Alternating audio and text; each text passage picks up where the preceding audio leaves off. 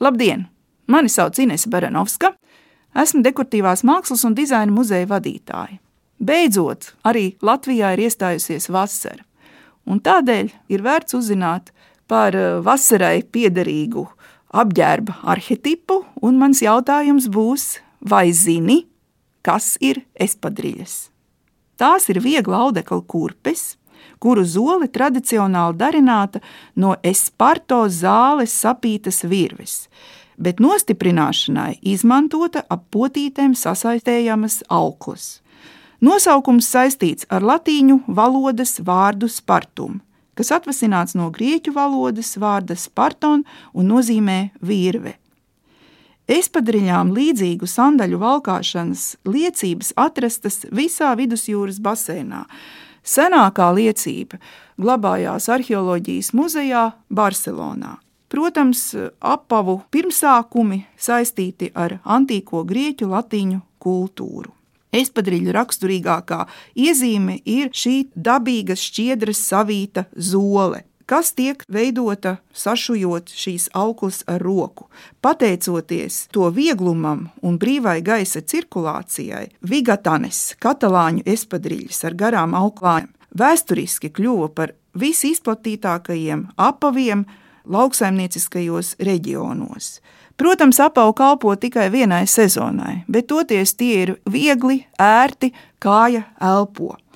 Mūsdienās espadriļas visā pasaulē tiek ražotas rūpnieciski un kļuvušas par tādu vasaras modes kliedzienu, bet katalāņi saglabā senās prasmes, kā šī izgatavošana tiek veidota ar rokām, Izstādē Dekoratīvās mākslas un dizaina muzejā modes arhetipi ir video, kur var iepazīties ar šo seno katalāņu tehniku, kā tiek izgatavotas espadriļas.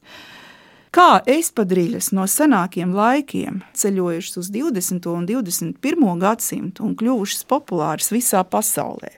Pirmkārt, 19. gadsimta beigās un 20. gadsimta mijā attīstās cilvēku tieksme rūpēties par savu ķermeni, sporta kultūra. Un šīs espadriļas bija ļoti populāras gan atpūšoties pludmalē, peldoties, kā arī nodarbojoties ar vasaras sporta veidiem, kā piemēram tenisu. Vārdu sakot, espadriļas kļuva par tenisa apavu priekšvēstniecēm. 20. gadsimtā vispār pirmajā pusē modē atgriežas šīs helēnisma idejas par cilvēka ķermeņa skaistumu, atbrīvotību un vieglumu. Un tieši šīs sandales, nevis augstpapēžu ādas kurpes, kas iegrožo kāju, bet atbrīvo, kļūst ļoti populārs. Pirmkārt, tā sāka valkāt radošie cilvēki, mākslinieki. Arī aiz patriotismu pret to spāņu kultūru un katalāņu kultūru. Tādi mākslinieki kā Pablo Picasso, Salvadors Dalī, un šie apaugi kļūst populāri vidusjūras baseina kurortos. Uz vidusjūras kurortiem dodas arī Holivudas zvaigznes un novērtē šo apavu vieglumu, kā piemēram kino aktrise Greisa Kellija un no Francijas un Spānijas apavi aizceļo uz Holivudu, un palēnām tiešām šī apava iekaro visu pasauli. Šobrīd, eh, ieejot jebkurā apavu veikalā, jūs atradīsiet kādu espadriļu variāciju. Protams, tas atšķirās no autentiskā parauga, bet espadriļas turpina būt populāras. Un interesantākais ir tas, ka tos valkā gan sievietes, gan vīrieši, gan bērni.